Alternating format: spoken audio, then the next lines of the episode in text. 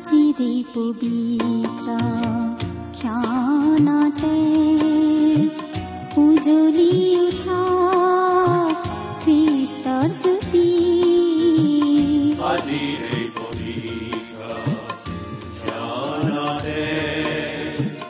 উজ্বলি উঠা খ্ৰীষ্টৰ জ্যোতি আকাশ বতাহ মুখৰিত কৰি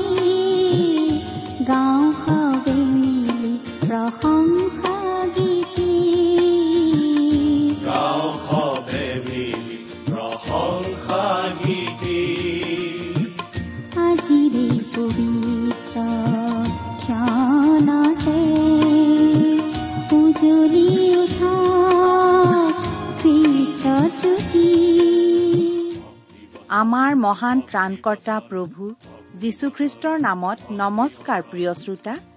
এয়া মুকলি কৰিবলৈ লৈছো বাইবেল অধ্যয়নৰ ধাৰাবাহিক অসমীয়া অনুষ্ঠান ভক্তি বচন।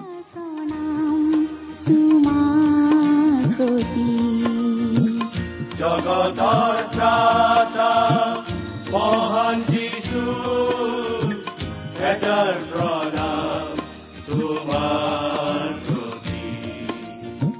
গ্ৰহণ কৰাই ভক্তি বচন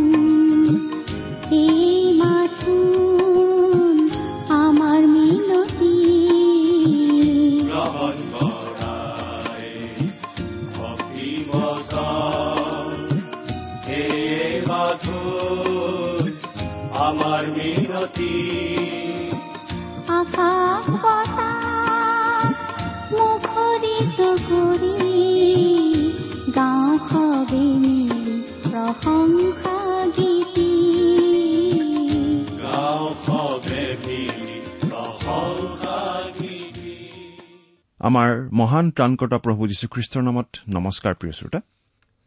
আশা কৰো মহান পিতা পৰমেশ্বৰৰ মহান অনুগ্ৰহত আপুনি ভালে কুশলে আছে। আপুনি বাৰু আমাৰ এই ভক্তিবচন অনুষ্ঠানটো নিয়মিতভাৱে শুনি আছেনে? এই অনুষ্ঠানটো শুনি আপুনি বাৰু কেনে পাইছে? এই অনুষ্ঠান সম্বন্ধে আপোনাৰ মতামত দিহা পৰামৰ্শ আদি জনাই আমালৈ চিঠি লিখিবচোন। যদিহে আপুনি আমাৰ নিয়মীয়া শ্ৰোতা কিন্তু কেতিয়াও আমালৈ চিঠি পত্ৰ লিখা নাই তেনেহলে আজিয়ে লিখিবচোন। আৰু যদিহে আমালৈ মাজে সময়ে চিঠি পত্ৰ লিখি আছে তেনেহলে আপোনাক ধন্যবাদ জনাইছো। আপোনালোকৰ পৰা পোৱা চিঠি পত্ৰই আচলতে আমাৰ উৎসাহ উদ্দীপনাৰ উৎস। প্ৰিয় শ্ৰোতা আপুনি বাৰু আমাৰ এই ভক্তিপচন অনুষ্ঠানটো নিয়মিতভাৱে শুনি আছেনে? যদিহে শুনি আছে তেনেহলে আপুনি এই কথাটো নিশ্চয় জানে যে আমি এতিয়া বাইবেলৰ নতুন নিয়ম খণ্ডৰ জাকুবৰ পত্ৰ নামৰ পুস্তকখন অধ্যয়ন কৰি আছো। নহয় জানো? আমি এই পুস্তকখনক চমুকৈ জাকুবৰ পুস্তক বুলিয়েই কওঁ। যোৱা অনুষ্ঠানটো আপুনি শুনিছিল যদি এই কথা নিশ্চয় জানে যে যোৱা অনুষ্ঠানত এই জাকুবৰ পত্ৰ পুস্তকখনৰ এক নম্বৰ অধ্যায়ৰ পঁচিছ নম্বৰ পদ পৰ্যন্ত পঢ়ি আমি আলোচনা আগবঢ়াইছিলো নহয়নে বাৰু?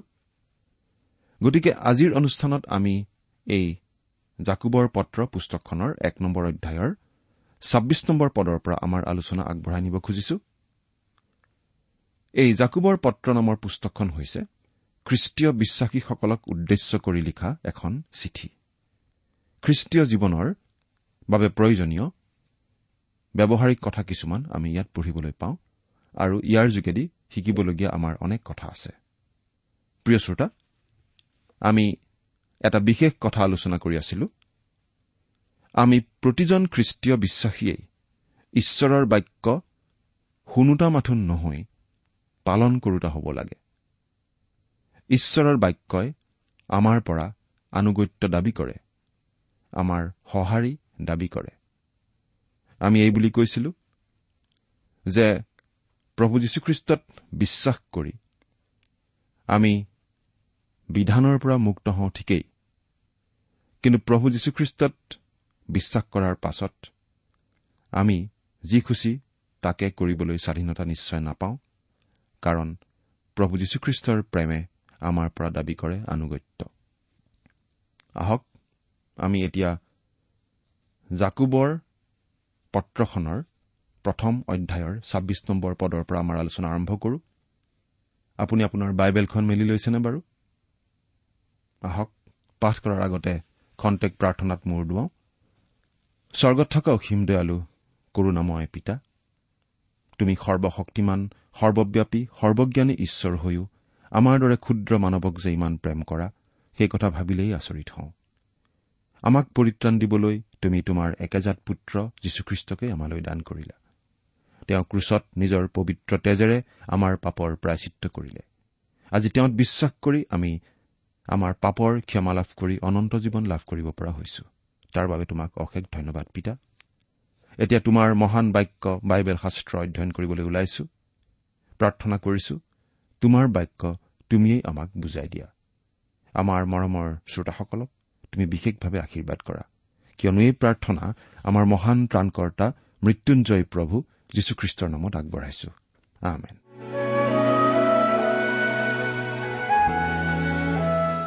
প্ৰিয় শ্ৰোতা আহক ছাব্বিছ নম্বৰ পদটো পাঠ কৰি দিম। জাকুবৰ পত্ৰ এক নম্বৰ অধ্যায়ৰ ছাব্বিছ নম্বৰ পদ। ইয়াত কি লিখা আছে? কোনোৱে যদি নিজকে ধাৰ্মিক যেন মানে কিন্তু নিজৰ জীৱা দমন নকৰি নিজৰ হৃদয়ক ভুলাই তেন্তে সেই মানুহৰ ধৰ্ম কৰ্ম ব্যৰ্থ। আচলতে ধৰ্ম শব্দটো বাইবেলৰ শব্দ বুলি ক'ব নোৱাৰি।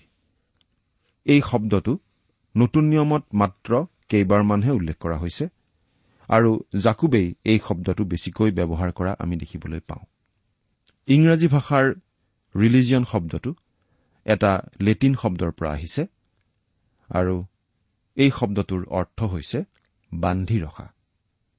আনহাতে আমাৰ ধৰ্ম শব্দটোৰ অৰ্থও ধাৰণ কৰা বুলি ক'ব পাৰি। আচলতে ৰিলিজন শব্দটো গ্ৰীক ভাষাত বৰকৈ পোৱা নাযায়। এজন বিখ্যাত গ্ৰীক বুৰঞ্জীবিদে মিছৰ দেশৰ ধৰ্মৰ কথা কওঁতে ৰিলিজন শব্দটো ব্যৱহাৰ কৰিছিল।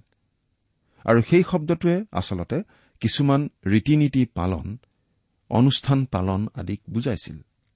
আচলতে ধৰ্মই মানুহক নানা ধৰণৰ আচাৰ ৰীতি নীতি আদি দিয়ে সমাজখন ধৰি ৰাখিবৰ বাবে।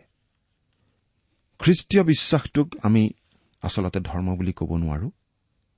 খ্ৰীষ্টীয় বিশ্বাস হৈছে এজন ব্যক্তি আৰু সেই ব্যক্তিজন হৈছে প্ৰভু যীশুখ্ৰীষ্ট।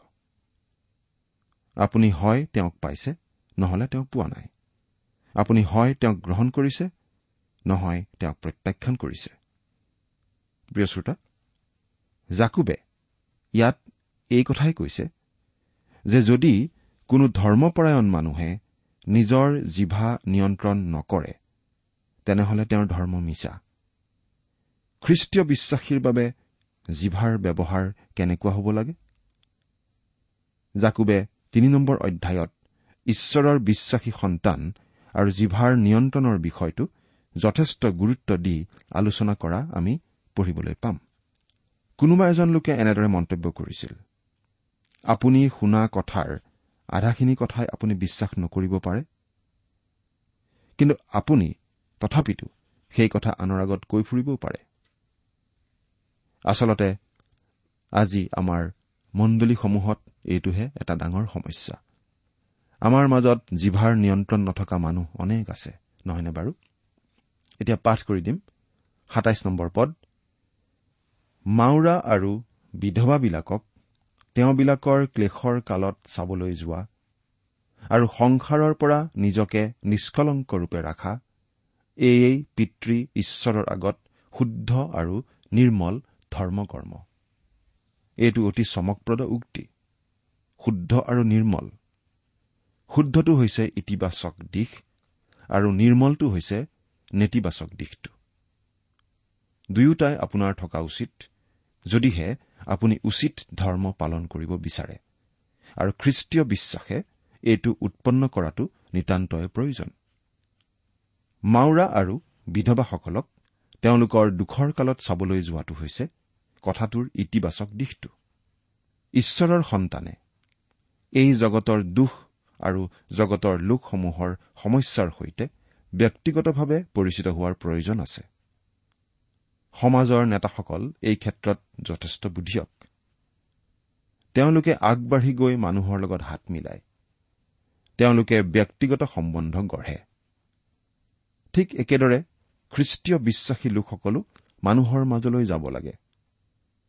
আমি চাৰি বেৰৰ মাজত সোমাই ধৰ্ম কৰাতকৈ আলিবাটৰ লোকৰ মাজত সোমাই আমাৰ ধৰ্ম বিশ্বাস কাৰ্যৰ যোগেদি প্ৰদৰ্শন কৰিব পাৰিব লাগে। আমি জগতৰ সৈতে এটা ব্যক্তিগত সম্বন্ধ গঢ়িব লাগে কোমলতা মৰম আৰু সহায়ৰ ভাৱৰ মনোভাৱেৰে। সংসাৰৰ পৰা নিজকে নিষ্কলংক ৰূপে ৰাখা। এইটো হৈছে নেতিবাচক দিশটো। জগতৰ সৈতে আমাৰ সম্বন্ধ বজাই ৰখা মানে আমি জগতৰ বিষয়বোৰৰ লগত মিলি গৈ নিজকে কলংকিত কৰিব নালাগিব। খ্ৰীষ্টীয় বিশ্বাসীজন এই জগতৰ মাজত থাকিব লাগিব কিন্তু জগতৰ লোক হৈ পৰিব নালাগিব। আকৌ কৈছো খ্ৰীষ্টীয় বিশ্বাসীজন জগতৰ মাজতেই থাকিব লাগিব কিন্তু তেওঁ জগতৰ মানুহ হৈ পৰিব নালাগিব। এবাৰ এটা সৰু ল'ৰাৰ মাক মৰিল বাপেকো আছিল অতি দুখীয়া।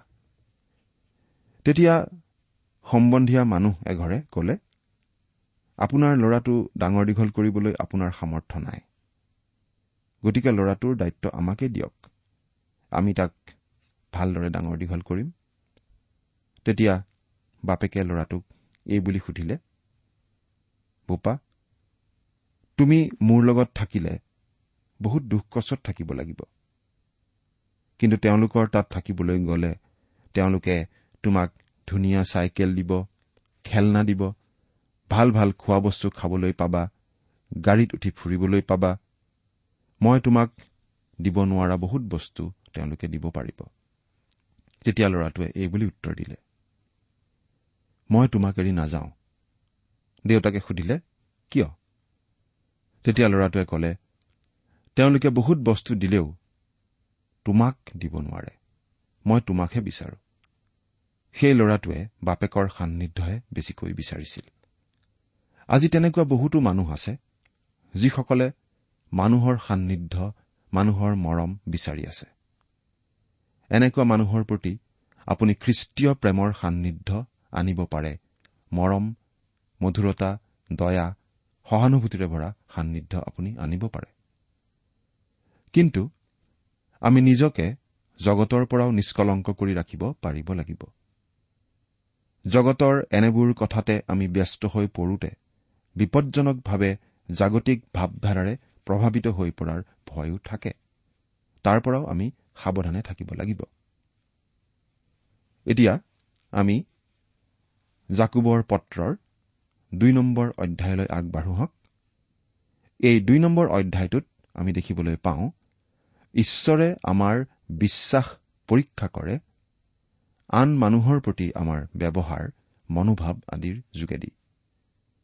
ঈশ্বৰে আমাৰ বিশ্বাস পৰীক্ষা কৰে আমাৰ সৎকৰ্মৰ যোগেদি। এই দুই নম্বৰ অধ্যায়টোৰ প্ৰথম তেৰটা পদত জাকুবে আমাক বিশেষভাৱে দেখুৱাব আমি সমাজৰ বিভিন্ন ধৰণৰ বিভিন্ন পৰ্যায়ৰ মানুহৰ লগত কেনে ব্যৱহাৰ কৰা উচিত সেই কথা। আমি বাৰু ধনী মানুহৰ প্ৰতি কেনেকুৱা ব্যৱহাৰ কৰো? দুখীয়া মানুহক আমি কেনেকুৱা ব্যৱহাৰ কৰো? নাইবা সচৰাচৰ লগ পোৱা মানুহবোৰৰ প্ৰতি কেনে ব্যৱহাৰ কৰো?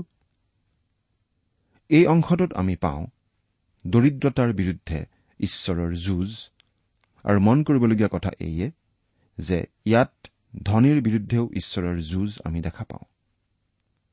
এয়া হৈছে দাৰিদ্ৰ আৰু ধনীৰ বিৰুদ্ধে ঈশ্বৰৰ যুঁজ। আজি আমি দাৰিদ্ৰ্যৰ বিৰুদ্ধে যেনেদৰে যুঁজাৰ কথা ভাবো ঈশ্বৰৰ পদ্ধতিটো তাতকৈ কিন্তু বেলেগ। মানুহে এই সমস্যাটো আজি পৰ্যন্ত সমাধান কৰিব পৰা নাই। দৰিদ্ৰতা আৰু ধনী অৱস্থা। দুয়োটাই অভিশাপ হ'ব পাৰে। মানৱ জাতিৰ ওপৰত থকা অভিশাপৰ এটা ভাগ হৈছে দৰিদ্ৰতা আৰু ধনবন্ত অৱস্থা। সিটোপদেশত আমি পঢ়িবলৈ পাওঁ ত্ৰিশ নম্বৰ অধ্যায়ৰ আঠ নম্বৰ পদত অসাৰ আৰু মিছা কথা মোৰ পৰা দূৰ কৰা। মোক দৰিদ্ৰ বা ধনবান নকৰিবা। মোৰ আৱশ্যকীয় আহাৰ মোক খাবলৈ দিয়া। যিসকল মানুহ অতি দুখীয়া নাইবা অতি ধনী তেওঁলোককেই আচলতে ঈশ্বৰৰ বাক্য বুজোৱাটো বৰ টান প্ৰায় অসম্ভৱ। আচল সমস্যাটো হৈছে এই পৃথিৱীত মানুহৰ মাজত টকা পইচা ধন সম্পত্তি আদিৰ ভাৰসাম্যৰ অভাৱ। আচল সমস্যাটো বিভিন্ন মতৰ দলৰ মাজত থকা মতভেদ নাইবা বিভিন্ন জাতি বৰ্ণৰ মাজত থকা ভেদাভেদ নহয়। আচল সমস্যাটো ধন সম্পদৰহে। কোনোবা অতিপাত ধনী কোনোবা অতিপাত দুখীয়া। কোনো দেশ খুব ধনী কোনো দেশৰ অৱস্থা অতি শোচনীয়। কোনো দেশত খোৱা বস্তু উভৈ নদী কোনোবা দেশত আকৌ আকালেই আকাল। নহয়নে বাৰু? এই পত্ৰখনত ঈশ্বৰে মানুহৰ মাজৰ এই সমস্যাটোৰ কথা গুৰুত্ব সহকাৰে গ্ৰহণ কৰিছে। তেওঁ দুখীয়াসকলৰ পক্ষত। আৰু সেইটো নিশ্চয় বেছিভাগ লোকৰ বাবেই সুখবৰ। প্ৰভু যীশু যেতিয়া এই পৃথিৱীলৈ আহিছিল তেওঁ ধনীৰ দুলাল হৈ অহা নাছিল। মুখত সোণৰ চামুচ লৈ তেওঁ জন্ম লোৱা নাছিল। তেওঁ দুখীয়া হিচাপেহে জন্মিছিল। নিজৰ বিষয়ে প্ৰভু যীশুৱে কি বুলি কৈছিল? মুঠিয়ে লিখা শুভবাৰ্তা আঠ নম্বৰ অধ্যায়ত বিশ নম্বৰ পদত আমি এনেদৰে পঢ়িবলৈ পাওঁ। যীশুৱে তেওঁক কলে শিয়ালৰ গাঁত আৰু আকাশৰ চৰাইৰো বাঁহ আছে কিন্তু মানুহৰ পুত্ৰৰ নিজৰ মূৰ থবলৈ ঠাই নাই। জিৰচালেমলৈ যাওঁতে তেওঁ আনৰ পৰা গাধ এটা খুজি ল'ব লগা হৈছিল। নিষ্ঠাৰ পৰ্বৰ ভোজ পালন কৰিবলৈও তেওঁ বেলেগৰ পৰা কোঠা এটা খুজি ল'ব লগা হৈছিল। তেওঁ মৃত্যুবৰণ কৰা ক্ৰুজটো বেলেগৰ আছিল বাৰব্বাৰ। তেওঁৰ নিজৰ নাছিল আৰু তেওঁক আনৰ কবৰত কবৰ দিয়া হৈছিল আৰিমুঠীয়া জোচেফৰ কবৰত। এজন লোকে তেওঁৰ অভিজ্ঞতা এনেদৰে বৰ্ণনা কৰিছিল। মই অতি দুখীয়া আছিলো আৰু কলেজত নামভৰ্তি কৰিবলৈ আনৰ পৰা টকা ধাৰ কৰিব লগা হৈছিল। প্ৰতিদিনে ৰাতিপুৱা আমাৰ চেপেলত এজন প্ৰচাৰকে শিক্ষা দিছিল। তেওঁ কৈছিল দৰিদ্ৰতাৰ আশীৰ্বাদৰ বিষয়ে। কিন্তু তেওঁ অতি মোটা দৰমহা পাইছিল। তেওঁ যি যি কথা কৈছিল সেই কথাবোৰ মোৰ মূৰৰ ওপৰেৰে পাৰ হৈ গৈছিল। হাঁহৰ গাৰে পানী বাগৰি যোৱাৰ নিচিনাকৈ। তেওঁৰ কথাই মোলৈ একো বাৰ্তা কঢ়িয়াই আনিব পৰা নাছিল। দৰিদ্ৰতাৰ আশীৰ্বাদ নাই। দৰিদ্ৰতা কি বস্তু সেইটো মইহে ভালদৰে জানিছিলো।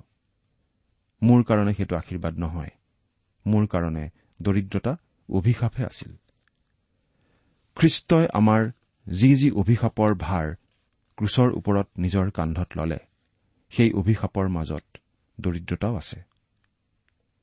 আনহাতে ধন সম্পত্তিও এটা অভিশাপ হ'ব পাৰে। এই কথাটো জাকুবে ইয়াত দেখুৱাব। পাচনি পৌলে এই বুলি কৈছিল প্ৰথম তিমঠিয় ছয় নম্বৰ অধ্যায়ৰ দহ নম্বৰ পদত আমি এনেদৰে পাওঁ। ন নম্বৰ পদৰ পিছৰ অংশটোৰ পৰা দহ নম্বৰ পদ পাঠ কৰি দিছো। ধন লোভেই সকলো মন্দৰ মূল। তালৈ আকাংক্ষা কৰি কোনো কোনো মানুহে বিশ্বাসৰ পৰা ভ্ৰান্ত হৈ যাতনাৰূপ শলাৰে নিজকেই শালিলে। পৌল আৰু জাকুবৰ একেই সুৰ আমি ইয়াত দেখা পাওঁ। সকলো বেংকেই কয় আমাৰ বেংক সকলোতকৈ ভাল। আমাৰ তাত ধন সাঁচক। কিন্তু ঈশ্বৰে কয় সাৱধান। মোৰ বেংকত ধন থোৱা। সেই বেংকহে সকলোতকৈ নিৰাপদ। আচলতে প্ৰতিজন খ্ৰীষ্টীয় বিশ্বাসীৰ প্ৰাৰ্থনা আৰু আশা এনেকুৱা হোৱা উচিত। আকৌ পঢ়ি দিছো। সিটোপদেশ ত্ৰিশ নম্বৰ অধ্যায়ৰ আঠ নম্বৰ পদটো। মোক দৰিদ্ৰ বা ধনবান নকৰিবা। মোৰ আৱশ্যকীয় আহাৰ মোক খাবলৈ দিয়া। দৰিদ্ৰতাৰ কি সমাধান ঈশ্বৰে দিছে বাৰু? তেওঁ দৰিদ্ৰসকলক ধনীসকলৰ পৰা ডকাইতি কৰি আনিবলৈ কোৱা নাই। আনহাতে ধনী মানুহৰ অনুদান ভিক্ষা আদিৰ ওপৰত ভৰসা কৰি দুখীয়া লোকক আত্মসন্মান হেৰুৱাবলৈও কোৱা হোৱা নাই। দৰিদ্ৰতাৰ বিৰুদ্ধে অভিযান মূৰৰ পৰা নহয় কিন্তু অন্তৰৰ পৰাহে আহিব লাগে। এই যুঁজটো আচলতে শ্ৰেণী বিভাজনৰ বিৰুদ্ধে। জাকুবে খ্ৰীষ্টীয় বিশ্বাসীৰ মাজত ধন সম্পত্তিৰ ভিত্তিত থকা শ্ৰেণী বিভাজন নোহোৱা কৰাটোত জোৰ দিছে। পাঠ কৰি দিম জাকুব দুই নম্বৰ অধ্যায়ৰ এক নম্বৰ পদ। হে মোৰ ভাইবিলাক আমাৰ ঐশ্বৰ্যৱান প্ৰভু যীশুখ্ৰীষ্টৰ সম্বন্ধীয় বিশ্বাস পক্ষপাতেৰে ধাৰণ নকৰিবা। প্ৰভু যীশুখ্ৰীষ্টৰ সম্বন্ধীয় বিশ্বাস পক্ষপাতেৰে ধাৰণ নকৰিবা। আমি মন কৰা উচিত যে জাকুব আচলতে প্ৰভু যীশুখ্ৰীষ্টৰ ভায়েক আছিল কিন্তু তেওঁ আমাৰ প্ৰভু যীশুখ্ৰীষ্ট বুলি সম্বোধন কৰিছে। আৰু তেওঁ প্ৰভু যীশুক ঐশ্বৰ্যৱান প্ৰভু যীশু বুলি কৈছে। অৰ্থাৎ প্ৰভু যীশুৰ ঈশ্বৰত্বৰ কথাটো জোৰ দি কোৱা হৈছে। প্ৰভু যীশুৰ লগতে একেটা পৰিয়ালতে ডাঙৰ দীঘল হোৱা জাকুবতকৈ প্ৰভু যীশুৰ ঈশ্বৰত্বৰ কথা আৰুনো কোনে ভালদৰে জানিব? আজি লাগিলে ডাঙৰ ডাঙৰ পণ্ডিতসকলে যিয়েই নকওক আমি জাকুবৰ কথাহে শুনিম। তেওঁ প্ৰভু যীশুক আমাৰ ঐশ্বৰ্যৱান প্ৰভু যীশুক খ্ৰীষ্ট বুলি কৈছে। আচলতে জাকুবে আমাক ইয়াত এই বুলি কৈছে যে আমি যদি নিজকে খ্ৰীষ্টীয় বিশ্বাসী বুলি চিনাকি দিওঁ তেনেহলে আমি আম্মিকভাৱে গপত উফন্দি ফুৰা লোক হ'ব নালাগিব। আমি খ্ৰীষ্টীয় মণ্ডলীৰ মাত্ৰ কেইজনমান মানুহৰ সৰু দল এটাত আবদ্ধ হৈ থাকিব নালাগিব। সকলো খ্ৰীষ্টীয় বিশ্বাসী খ্ৰীষ্টৰ শৰীৰৰ অংগ। আৰু ভাই ভাই লাগিলে যি সম্প্ৰদায়ৰেই নহওক কিয়? খ্ৰীষ্টীয় বিশ্বাসীসকলৰ মাজত সহভাগিতা থাকিব লাগে আৰু বন্ধুত্বপূৰ্ণ সম্বন্ধ থাকিব লাগিব। জাকুবে সকলো খ্ৰীষ্টীয় বিশ্বাসীক সম্বোধন কৰিছে ধনী দুখীয়া সাধাৰণ মানুহ নিহ মানুহ স্বাধীন মানুহ বন্দী মানুহ যিহুদী পৰজাতি পুৰুষ মহিলা সকলোকে। খ্ৰীষ্টৰ শৰীৰৰ অংগ হিচাপে তেওঁলোক সকলো এক। খ্ৰীষ্টীয় বিশ্বাসীসকলৰ মাজত এটা ভ্ৰাতৃত্ব আছে আৰু প্ৰভু যীশু আছে সেই বন্ধনৰ কাৰক হিচাপে। জাকুবে কৈছে তোমালোকৰ বিশ্বাস পক্ষপাতমূলক নহওক। যদি আপুনি খ্ৰীষ্টৰ আন এজন মানুহ খ্ৰীষ্টৰ তেন্তে সেই মানুহজন আপোনাৰ ভাই। ঠিক তেনেদৰে আন যিকোনো মানুহ দেখিলে আমি মনত পেলাব লাগে যে তেওঁকো ঈশ্বৰে প্ৰেম কৰে আৰু তেওঁৰ বাবেও খ্ৰীষ্ট ক্ৰুচত হত হল। পুৰণি নিয়মতো আনকি ধনী দুখীয়াৰ মাজত প্ৰভেদ নাৰাখিবলৈ ঈশ্বৰে শিকাইছিল। লেবিয়া ঊনৈশ নম্বৰ অধ্যায়ৰ পোন্ধৰ নম্বৰ পদত আমি এনেদৰে পঢ়িবলৈ পাওঁ তোমালোকে বিচাৰত অন্যায় নকৰিবা বিচাৰত তুমি দুখীয়াৰ মুখলৈ নাচাবা আৰু সম্ভ্ৰান্ত লোকক সমাদৰ নকৰিবা। কিন্তু তুমি ধৰ্মমতে নিজ ওচৰ চুবুৰীয়াৰ বিচাৰ নিষ্পত্তি কৰিবা। ঈশ্বৰে সেই কথা পিতৰকো শিকাইছিল। পাচনি কৰ্ম দহ নম্বৰ অধ্যায়ৰ চৌত্ৰিশ নম্বৰ পদত আমি এই বুলি পঢ়িবলৈ পাওঁ। তেতিয়া পিতৰে মাত লগাই কলে ঈশ্বৰ পক্ষপাতি নহয়। জাকুবে এটা অপ্ৰিয় সত্য আমাক কৈ আছে। আৰু এটা উদাহৰণ ব্যৱহাৰ কৰিছে। জাকুব দুই নম্বৰ অধ্যায়ৰ দুই নম্বৰ পদ। কিয়নো তোমালোকৰ নামঘৰলৈ সোণৰ আঙঠি আৰু উজ্জ্বল বস্ত্ৰেৰে এজন মানুহ আহিলে আৰু মলিন বস্ত্ৰেৰে দৰিদ্ৰ এজনো আহিলে। ইয়াত নামঘৰ মানে যিহুদীসকলৰ উপাসনা গৃহ যিহুদী খ্ৰীষ্টীয় বিশ্বাসীসকলেও তেওঁলোক গোট খোৱা ঠাইক এই নামঘৰ বুলিয়েই কৈছিল। তেওঁলোকে কোনো নতুন ঘৰ নিৰ্মাণ কৰা নাছিল কিন্তু মানুহৰ ঘৰে ঘৰে লগ হৈ ঈশ্বৰৰ উপাসনা কৰিছিল। কিন্তু কৰবাত হয়তো যিহুদী ধৰ্মৰ লোক গোট খোৱা নামঘৰকেই তেওঁলোকে ভাড়া লৈছিল। যিহুদীসকল গোট খাইছিল শনিবাৰে আৰু যিহুদী খ্ৰীষ্টীয় বিশ্বাসীসকল গোট খাইছিল ৰবিবাৰে গতিকে নিশ্চয় একো অসুবিধা হোৱা নাছিল। সোণৰ আঙঠি আৰু উজ্জ্বল বস্ত্ৰেৰে এজন মানুহ আহিলে। ধনী মানুহে সোণৰ আঙঠি নানা অলংকাৰ আদি পিন্ধি উজ্জ্বল বস্ত্ৰ পিন্ধি আচলতে নিজৰ চহকী অৱস্থাটো জাহিৰ কৰি ভাল পাইছিল। তেওঁ নিজকে দুখীয়া মানুহতকৈ অলপ বেলেগ বুলি দেখুৱাবলৈ নিশ্চয় ভাল পাইছিল। এজন লোকে মন্তব্য কৰিছিল কিছুমান মানুহ গীৰ্জালৈ যায় চকু জপাই প্ৰাৰ্থনা কৰিবলৈ আৰু কিছুমান যায় আনৰ পোছাকত চকু দিবলৈ। বহুতো মানুহে গীৰ্জালৈ ফেশ্বন দেখুৱাবলৈ যোৱাৰ নিচিনাহে লাগে। কিছুমানৰ সাজ পোছাক অলপ অমাৰ্জিত আৰু আপত্তিজনকো হয়। আমি নিশ্চয় তেনেকুৱা কৰিব নালাগে। আনহাতে দুখীয়া মানুহজন আহে পুৰণি ফটা কাপোৰ পিন্ধি। পৰিষ্কাৰ হলেও পুৰণি কাপোৰ সাধাৰণ কাপোৰ বুলি গম পোৱা যায়। গীৰ্জালৈ যাবলৈ তেওঁৰ নিশ্চয় বিশেষ ভাল কাপোৰ নাথাকে। জাকুবে আচলতে ধনী আৰু দুখীয়াৰ এই বৰ্ণনাৰে সমাজৰ দুই শ্ৰেণীৰ মানুহৰ ছবি দাঙি ধৰিছে। কিন্তু আচলতে আমাক এই বুলি ক'ব বিচৰা হৈছে যে আমি তেনে পোছাকৰ ভিত্তিত মানুহৰ প্ৰতি ব্যৱহাৰ কৰিব নালাগে। পোছাকৰ প্ৰতিযোগিতা কৰাৰ মানসেৰেও আমি গীৰ্জালৈ আহিব নালাগে। পৰিপাতি পৰিষ্কাৰ পোছাকেৰে অন্তৰত ভক্তিৰ ভাৱেৰে আমি গীৰ্জাঘৰলৈ আহিব লাগে প্ৰাৰ্থনা উপাসনা আৰু সহভাগিতাৰ বাবে। আৰু সকলোৰে প্ৰতি আমি সমান ব্যৱহাৰ কৰিবলৈ শিকিব লাগে। ঈশ্বৰে আমাক তেনে মনোভাৱ দিয়ক। আজিলৈ ইমানতে সামৰিছো।